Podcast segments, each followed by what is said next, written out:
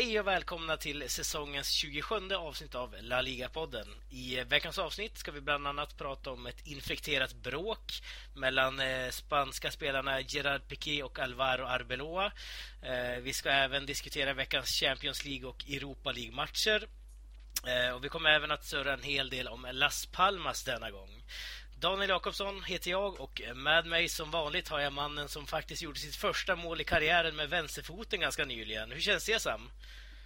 Ja, det känns stort. Tack för att eh, du uppmärksammade det på svenska fans La Liga-podden. Det känns väldigt stort att vara i samma eller, plattform där vi brukar diskutera Messi. Så att, ja, ja precis. Han gör ju lite mer mål med vänsterfoten förvisso, men... Eh, ja, men jag, jag har påbörjat jakten nu. Ja, snyggt. Eh, är det ditt första mål?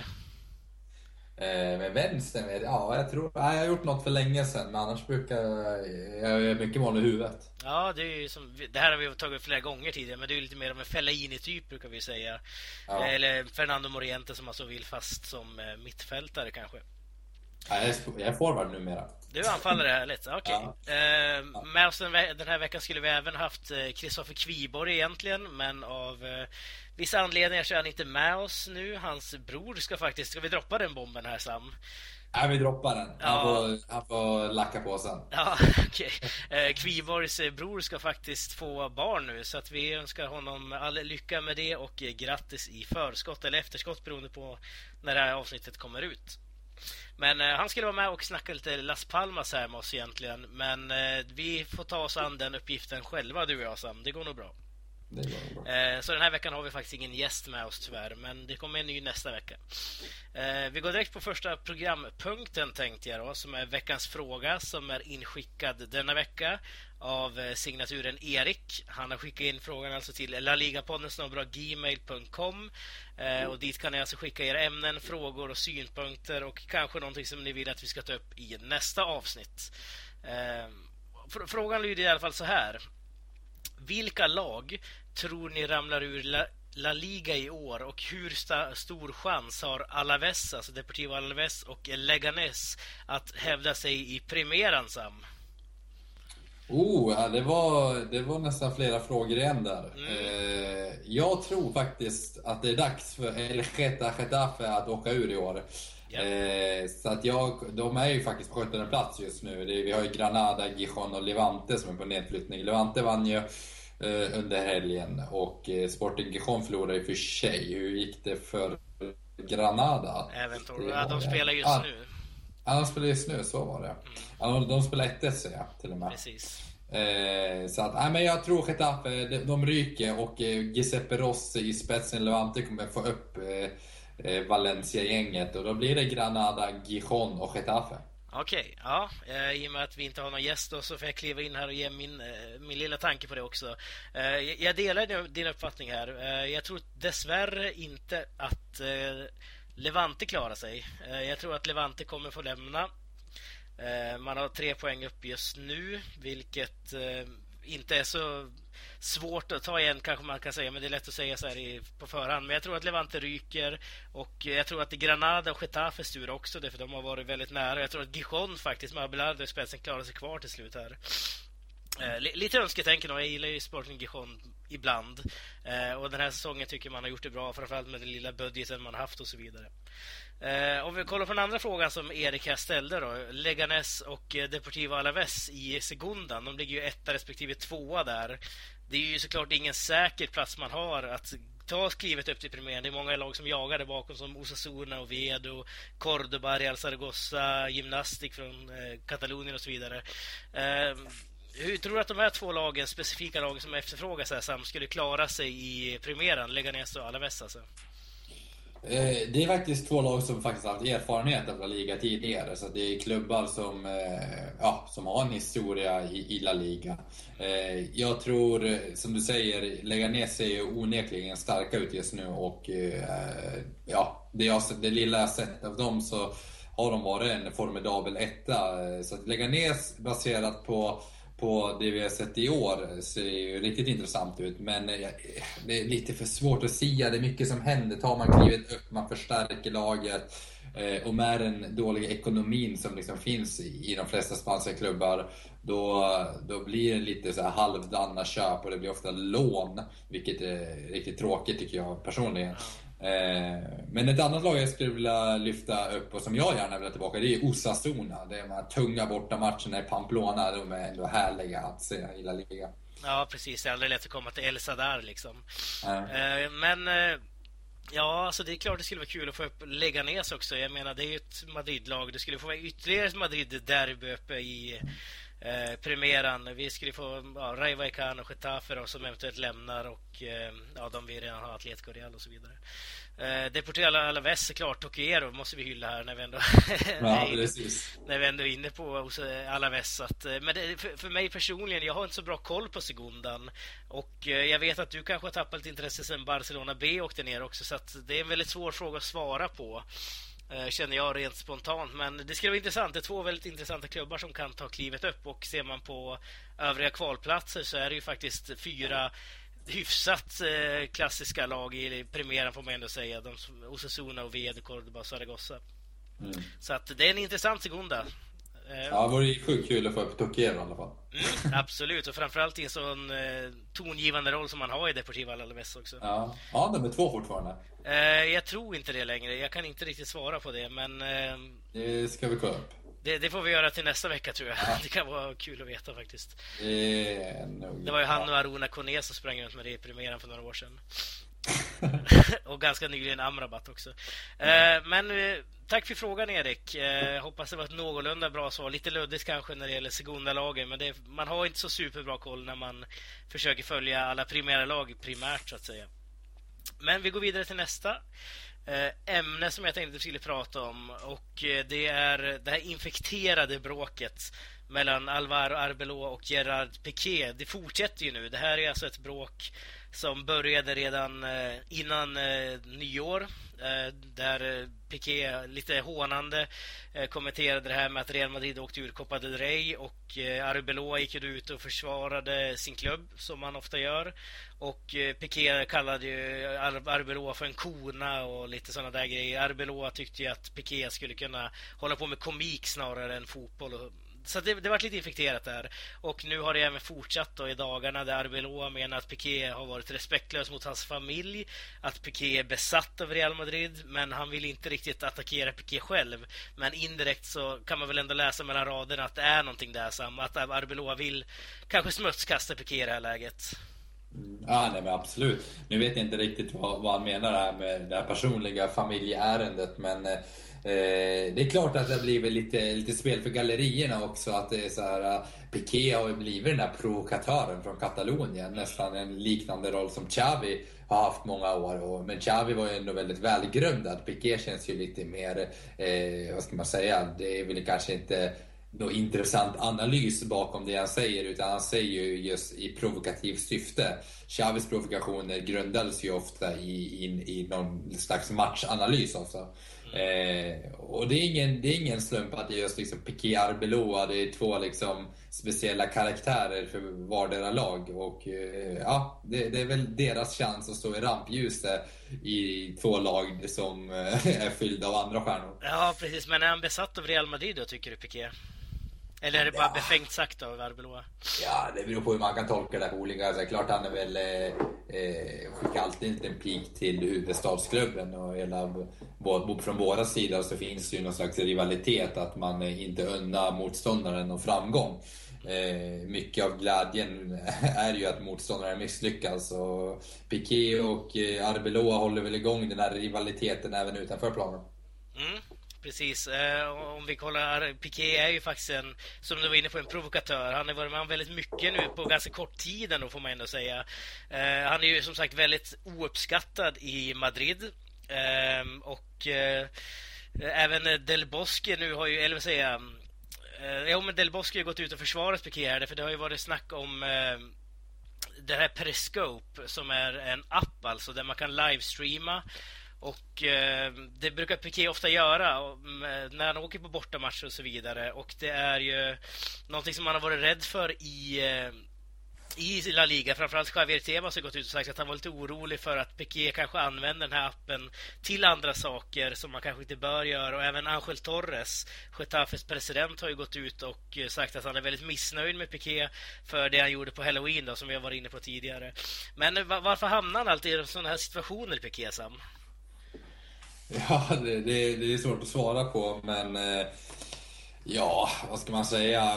Det är väl ett enkelt svar han är uttråkad. Alltså de här stjärnorna lever lyxliv och spelar fotboll på en hög nivå. Alltså, det blir mycket liksom dödtid utöver den här förberedelsen. Mm. Eh, men han är en lustig kurre liksom. Han har ju den rollen i laget också. Han, han, han, håller, han är liksom en, en glädjespridare. Han, han provocerar och liksom eh, de här tendenserna såg man ju liksom för 5-6 år sedan. Jag menar, innan Cesc Fabregas kom till Barcelona så drog han på en Barca-tröja som provocerade hela Arsenal. Ja. Så att det, det, är inte heller bara riktat mot liksom Real Madrid, utan han är en provokatör liksom, eh, allmänt. Och, och, det är klart att det, det, det, som säljer bäst, det blir ju det som, eh, som provocerar mest. Och det som provocerar mest, det är ju såklart Real Madrid. Mm. Eh, nu har vi alltså även eh, de, båda två är ju spanjorer. Eh, nu är ju inte Arbeloa förvisso med i landslaget längre, men jag menar hans lagkamrater som Carvajal och eh, Isco och, och, så vidare spelar ju, Sergio Ramos förstås, spelar ju i det spanska landslaget. De lär väl förmodligen ställa sig bredvid Arbeloa i den här sidan. Eh, hur tror du det påverkar landslaget det här? Tror du att Del Bosque bör vara orolig att två av eh, hans spelare, om man nu får säga så, eh, bråkar på det här sättet så offentligt? Ja, alltså det var ju samma. Det, man kan ju jämföra med oron som uppstod där, eh, vad var det, 2000, eh, säsongen 2010-2011 när det var typ fyra klassiker på en månad med Champions League eh, semifinaler och Copa del Rey-final och, och ligaspel däremellan. Eh, och det blev, var väldigt hetsig stämning. Mourinho liksom hetsade ju upp det på sitt sätt och det var spelare som eh, liksom, ja, eh, från det spanska landslaget som bråkade efter matcherna. Det var liksom en, en riktigt så konstig stämning på planen. Det var liksom, eh, fokus var inte på fotbollen utan fokus var på att provocera, eh, spela någon slags fulspel. Mm. Och där var ju många oroliga för oj, vad hände med landslaget? Då gick man och vann EM sen 2012. Så att, ja, jag vet inte. Det där, eh, man, man ska inte dra för stora slutsatser av, av, av det här. Nej, det här bråkar kanske ge oss, eller oss ge Spanien en ny EM-titel då, vem vet? Ja. Eh, men härligt, vi ska faktiskt eh, runda av eh, del 1 här och eh, när vi är tillbaka ska vi snacka Las Palmas.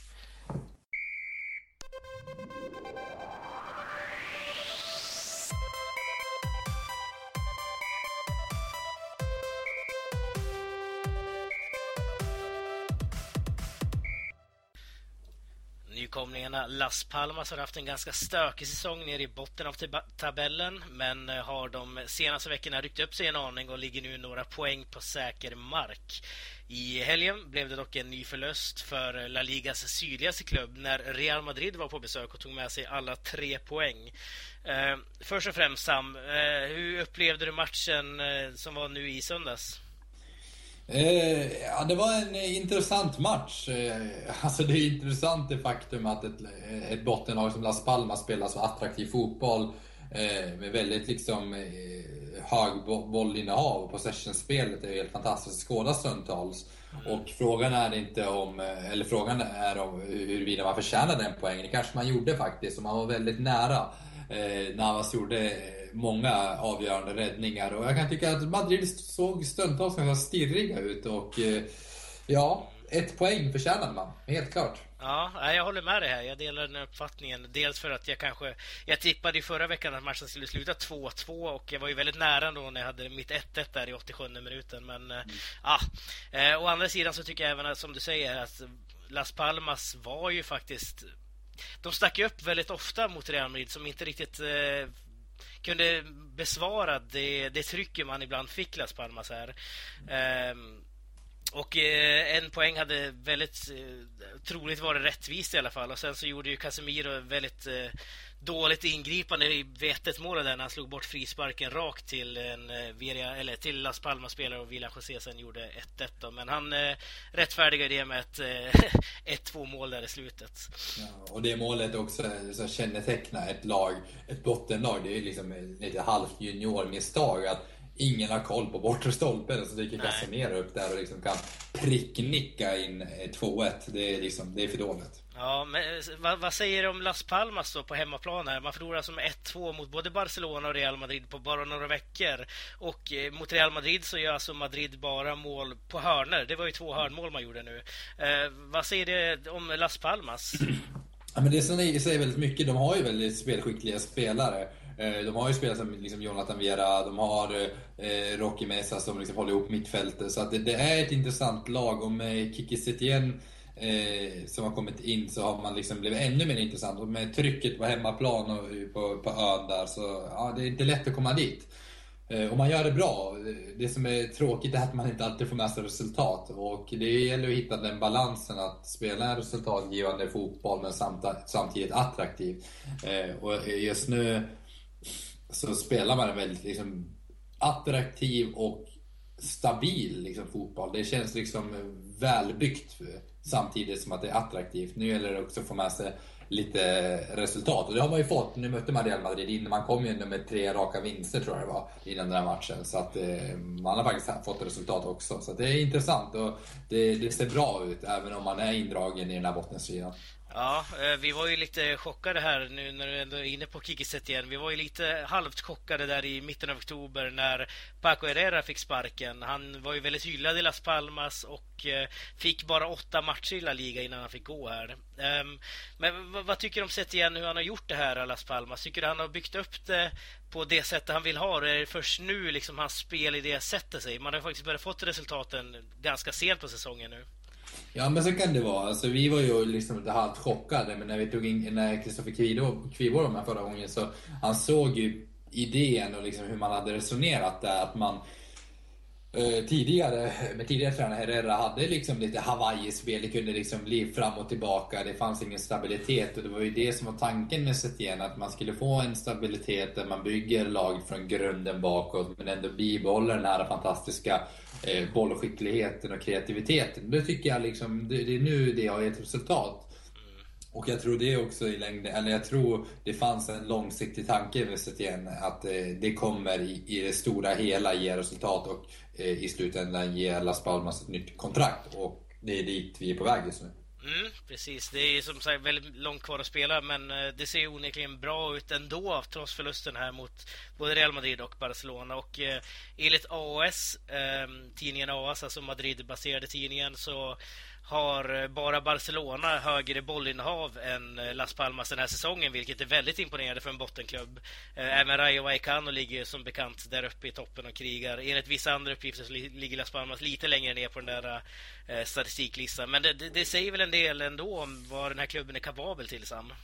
Ja, absolut. Och det, det, är ju liksom skickliga spelare och det, är, det, det spelar, egentligen spelar ingen roll man måste ha en, en skicklig tränare som, ja men en Paco Gemes typ som hittar de här, det här triangelspelet och hur spelarna ska röra sig framförallt. Mm. Sedan så är det ju också en förutsättning att spelarna faktiskt kan ta till sig det här och rent fysiskt prestera. Och det kan man med spelare eh, som Jonathan Viera på mittfältet eller eh, Rocky Mesa som liksom håller ihop det här mittfältet på ett formidabelt sätt.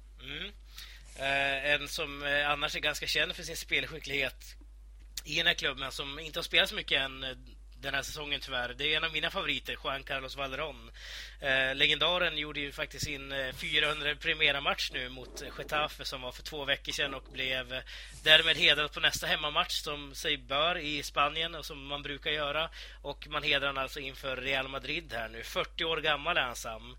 Eh, är det, är det, visst är det ganska imponerande att en sån här spelare fortfarande, trots sin väldigt höga ålder, kan hoppa in lite då och då, slå lite avgörande passningar som han gjorde häromveckan mot eh, Getafe när han faktiskt spelade fram till ett mål där.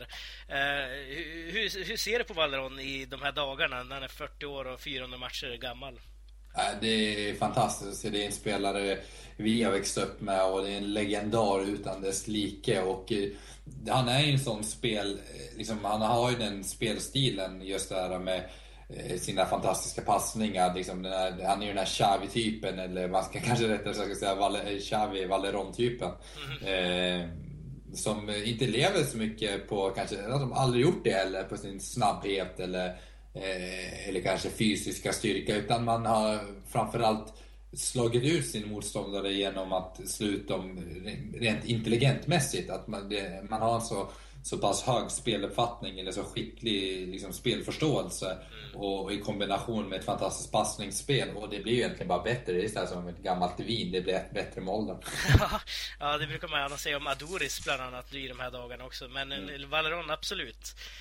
Um, kan man säga att han ändå har en hyfsat viktig roll i den här klubben? Jag menar, han eh, har ju förvisso, han har suttit på bänken 27 gånger i Las Palmas och faktiskt varit tillgänglig i alla matcher trots att han är väldigt gammal och eh, kanske inte lika duktig med fötterna som han var en gång, en, en gång i tiden var. Men hur kan en sån här spelare med sin erfarenhet och rutin hjälpa ett lag som Las Palmas i kanske i jakten mot en primerad plats? Ja, men det är ju liksom hela den här, han har varit med så länge, han har ju erfarenhet, han har ju, han har ju någonting som inte någon i det här laget kan mäta sig med. Och att ha en sån spelare i laget, det ger väldigt mycket utanför planet. Liksom i de här, vi, vi ser ju bara matcherna, men liksom det stora jobbet görs ju under veckorna när vi gör något annat. Eh, och där spelar ju säkert Valderon en nyckelroll. Sen så tror jag också att han verkligen har bidragit till att Las Palmas, eh, och kanske kommer med egna förslag och tips. Man har säkert högt i tak i omklädningsrummet och i tränarstaben där Valeron, där, där tränarna säkert vill ha hans synpunkter hur mittfältet ska röra sig, där han kan ge tips till de här lite yngre spelarna. Eh, och det är säkert en förklaring till varför man har en, ett så liksom fantastiskt possession-spel. Mm. Precis, det är väldigt få spelare också i Las Palmas, ska jag anta här nu i alla fall, som har varit med om Champions League-semifinal, eh, kommit tvåa i ligan och vunnit Copa del Rey bland annat, vilket han har gjort här, Juan Carlos Valeron. Eh, om vi kollar vidare i Las Palmas trupp då. Valeron har ju som sagt bara startat två matcher, vilket inte är supermycket, men han har ändå gjort det. Men om vi kollar på de andra spelarna här nu då. Vem är det framförallt du skulle vilja lyfta fram här av eh, de som har... Är det någon som imponerat på dig till att börja med? Nej, men jag har ju liksom haft bra koll på Jonathan Viera som jag liksom vill få, få igång och han har kommit igång lite här nu på slutet framförallt. Men eh, framförallt är det ju mittfältet med Rocky Mesa som pivoter som har imponerat på mig. Eh, ganska, ja men, jag tror han är 26 år. Men det, det är en spelare som, som hamnar lite i skymundan. Eh, vad mer kan man lyfta fram? Eh, Ja, Javi Varas vet vi är en helt fantastisk målvakt. Jag tror jag aldrig sett en sån fantastisk insats som han gjorde i Sevilla mot Barcelona för, någon, för något år sedan. Och, och, vi vet att hans högsta nivå är ja, väldigt hög. Eh, men en annan som imponerat är ju faktiskt målskytten William och hans avslut är ju liksom, det håller högsta klass. Men han har gjort också väldigt liksom, viktiga mål. Han gjorde mål mot Barcelona vet jag i hemmamatchen. Eh, han, han gör sina mål helt enkelt och är den målskytten eh, som laget behöver. Mm, precis, det var ett väldigt lyckat köp får man ändå säga i somras när han kom här. Eh, har ju dock bara spelat 13 matcher, eh, startat 13 matcher förlåt, och gjort sju mål alltså, vilket man må, måste imponeras av ändå. Eh, en som jag däremot hade hoppats lite mer på, det är ju Arajo, den eh, nyförvärv man gjorde i somras här. Som faktiskt var en av de dyraste på väldigt länge som Las Palmas har köpt. Man köpte den för 2,5 miljoner euro, vilket är en ganska hög prissumma för en sån spelare i en sån klubb. Eh, håller du med mig där att du kanske hade förväntat dig lite mer om Arajo eller tar det tid att komma från eh, Boca Juniors direkt in i La Liga? Ja, det är klart att eh, priset gör, eh, gör att man att man har lite högre förväntningar och att det kanske behövs lite tid att acklimatisera sig. Eh, så ja, men så kan det definitivt vara. Eh, slutligen vill jag även säga såklart att Aitame, den gamla Deportivo mittbacken, har ju faktiskt blivit som på nytt född här i Las Palmas. Han var ju sisådär, får man ju ändå säga, i Deportivo sista säsongerna, men eh, har gjort det väldigt bra för Las Palmas och startat 24 matcher, vilket är imponerande mm. ändå. Faktiskt.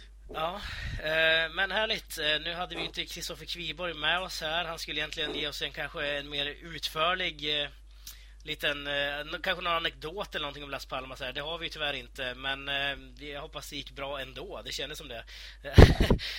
eh, vi ska faktiskt sätta stopp här för Las Palmas-delen och när vi är tillbaka ska vi snacka Europa League och Champions League.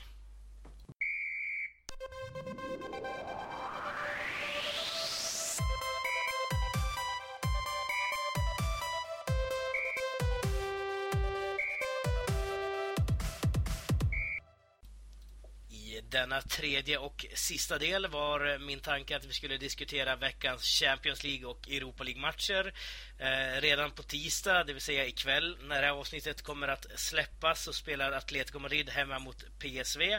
Eh, Första matchen slutade 0-0, vilket ändå får ses som ett ganska okej okay resultat för Diego Simeones eh, Atletico. Eller vad säger du Sam? Ja, det är ett bra resultat även om jag faktiskt misstänker att Simeone faktiskt vill ha ett bortamål med sig oavsett om det blev 1-1 eller 0-1. Så att det, det är lite dubbel, blandade känslor. Ja, eh, man, Real Madrid har ju redan tagit sig vidare till kvartsfinal. Eh, tror du att det här Madrid-laget också gör det? Eller vad är det man ska se upp med framförallt här från PSV? Ja, nej men det, man ska se upp med sig själv framförallt. PSV är skickliga men Atletico Madrid är klasser högre än, än PSV. Så att eh, gör man en, en, en, eller har man en vanlig dag på jobbet och kanske lite därtill, då kommer det här bli en dans på rosor. Ja, eh, rent spontant kan jag väl känna att Atletico är ju väldigt starka och väldigt tunga att möta. Men det man ska se upp med framförallt är väl ändå att PSV kommer ju vilja gå efter ett mål såklart, för man vet väl att Atletico förmodligen minst gör ett mål. Det är ju inget eh, målrikt lag man möter, för Atletico har inte gjort så många mål i ligan bland annat. Men eh, jag, jag ser, för, ser framför mig en anstormning av holländarna nästan. Eh, I alla fall de första, första kvarten, 20 minuterna. Jag tror att det kan vara en avgörande faktor här ifall man ska kunna gå vidare. Att man inte släpper in ett något mål här i början för att eh, sen kanske PSV backar hem ifall det skulle hända. Ja, och Simeone är så pass rutinerad vid det här laget så han vet ju om det. Rätt mål i baken. Eh, det innebär att vi måste två framåt. Och det är ju just den här eh, mentala biten och de här små marginalerna som gör att det här faktiskt blir en nagelbitare, eller kan bli en nagelbitare. Eh, att, att alla vet om det här på planen, vilket gör att man kanske ja, inte kan anfalla utan att faktiskt tänka lite bakåt. Nej, precis. Vi ska även komma ihåg här att Uruguayanen Pereiro i PSV som startade som anfallare senast är ju avstängd också. Vilket kanske öppnar upp för någonting för Atletico Madrid, jag vet inte. Men det underlättar väl alltid att någon spelare är borta i alla fall. Eh, I Atletico Madrid så ser vi ju bland annat att eh, Torres är ju fortfarande skadad. Thiago är ju borta som vi vet sedan tidigare. Savic är borta. Men Augusto Fernandes däremot eh, kan vara spelklar eventuellt. Eh, är det ett tillskott i truppen för Atletico om det nu skulle vara så? Ja, nej, men jag är förtjust i Augusto Fernandes. Han har gjort det bra sedan han kom från Celta Vigo. Och eh, det, det, är ju nu när Thiago är borta ett väldigt viktigt vapen att ha på mittfältet. Så att eh, om Augusto Fernandes kommer tillbaka så kommer det verkligen gynna laget. Mm, precis, han eh, har ju varit med tidigare på bänken och så vidare men kanske inte har varit den allra spelklaraste spelaren. Men eh, det skulle vara kul att se i alla fall. Mm. Eh, om vi kollar på den andra matchen då som är nu på onsdag, vilket är ditt Barcelona Sam, så möter ju de alltså eh, Arsenal såklart. Eh, mm. Vann där med 2-0 senast. Eh, varför väntar du här nu då? Kan Barca bara kliva ut och spela av den här matchen på Camp Nou? Nej, det kan man aldrig göra i Champions League. Klart, har man 0-2 med sig från Emirates så ska man ju liksom kunna eh, liksom få hem det här. Eh, kanske inte utan problem, men man ska göra det på ett snyggt sätt.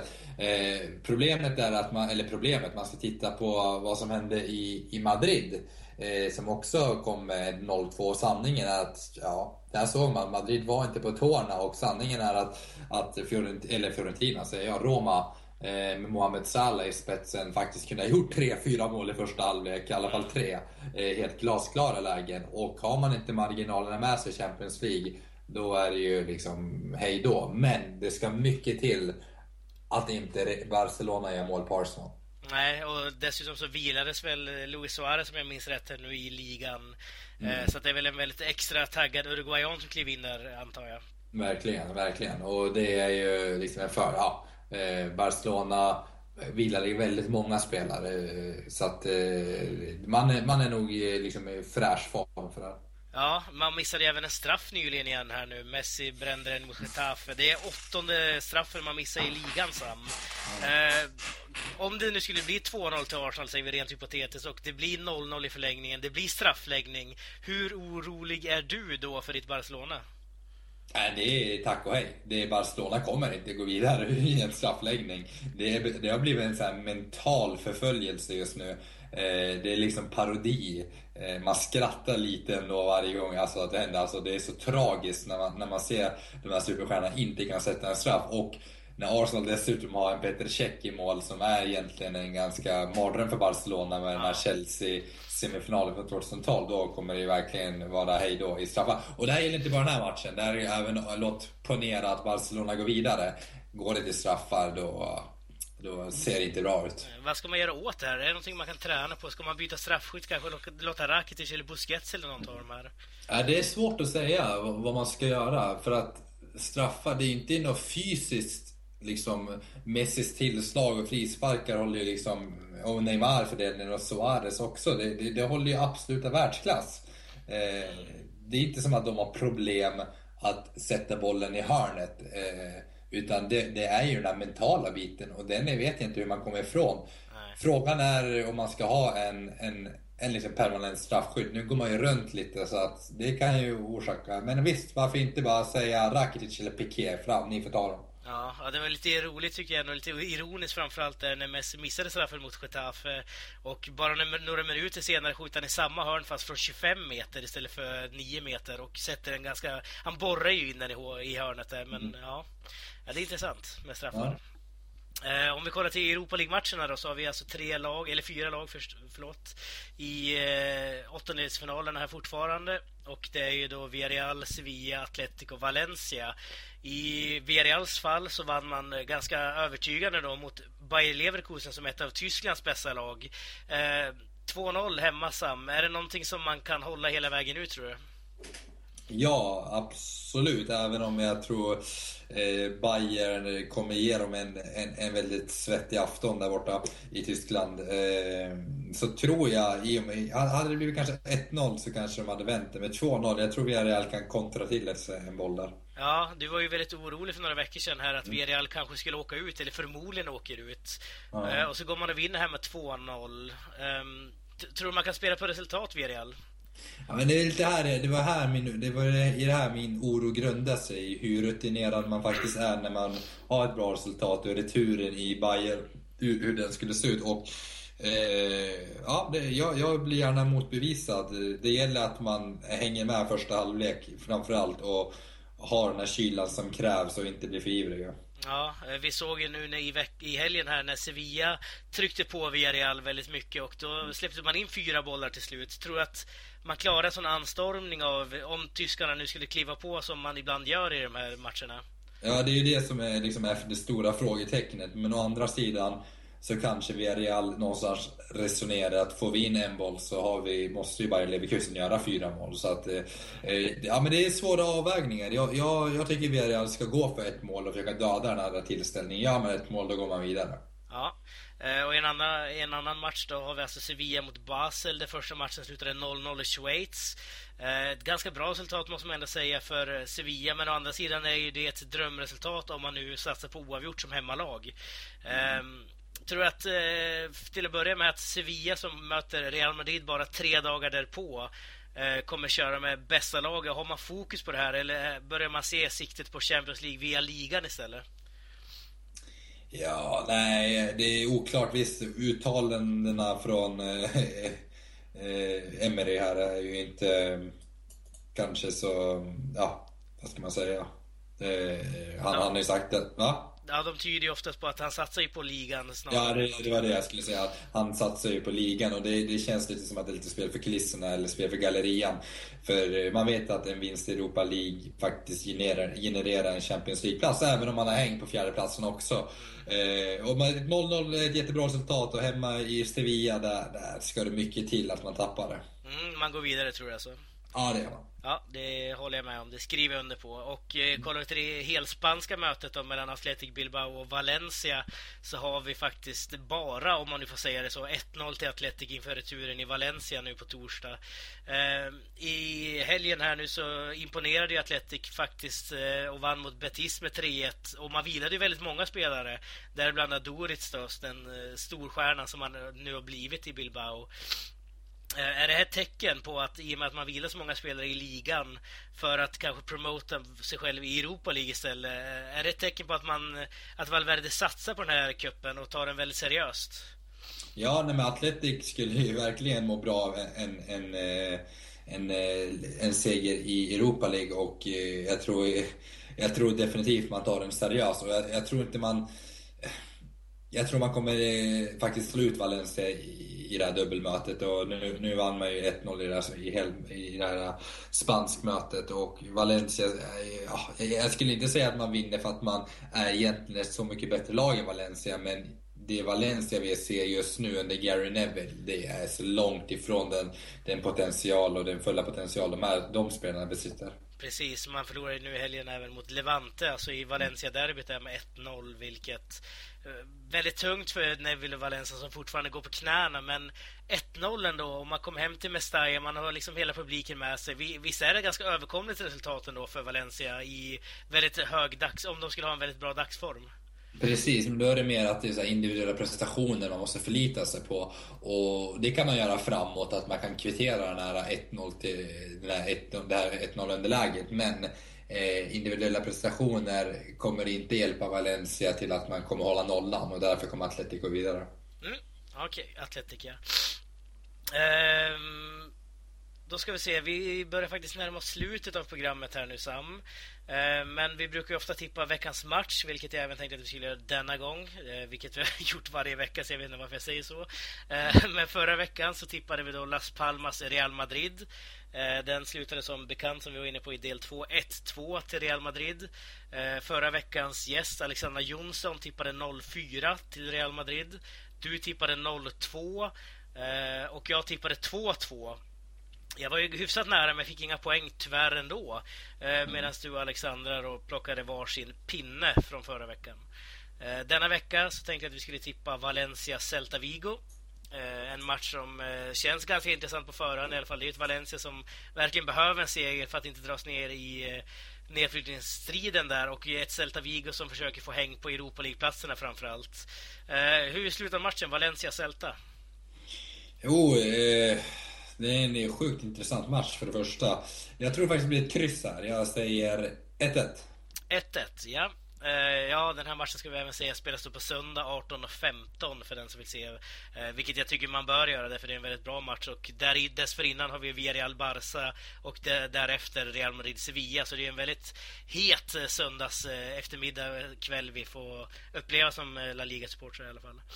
Mm. Men 1-1 säger du Valencia Celta. Då gissar jag på, eller tippar snarare, jag, jag tippar på 0-1 till Celta.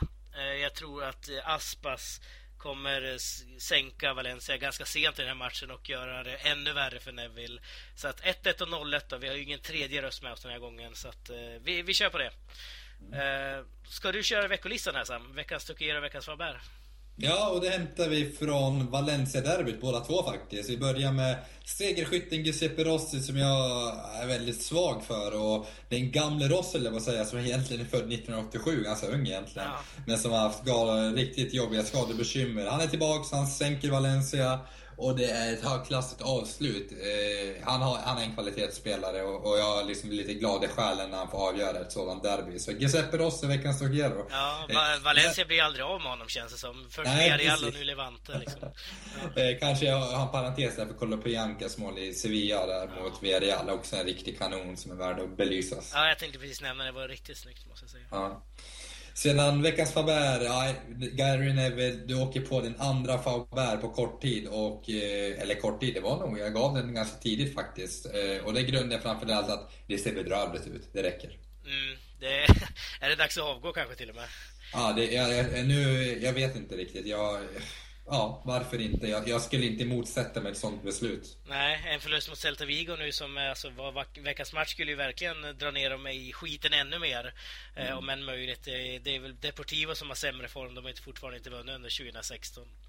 Eh, men härligt! Vi ska faktiskt eh, slå av här nu tänkte jag. Och eh, tack så mycket för att du var med den här veckan Sam. Vi hade ju ingen gäst men jag tyckte vi skötte oss ganska bra ändå. Det är ju inte första gången vi känns samma du och jag. Det brukar ju rulla på som vanligt. Eh, men eh, vill ni vara med i podden eller skicka in en fråga och så vidare så får ni jättegärna göra det. Skicka in era frågor, synpunkter och ämnen till laligapodden gmail.com. Eh, vill ni vara med, skriv gärna en textrad om vad, vad ni vill prata om. Det kanske är något speciellt lag eller något speciellt ämne ni vill ta upp. Vi är öppen för allt. Det skulle vara kul att ha lite nya röster i podden, eller vad säger du Sam? Ja, det ska vara jättekul faktiskt. Så att mejla på. Mm, precis. Det, vi har ju fått många mejl senaste veckan så det är kul. Mm. men eh, härligt. Eh, tack så mycket för oss. Vi hörs nästa vecka. Hej då. Hej då.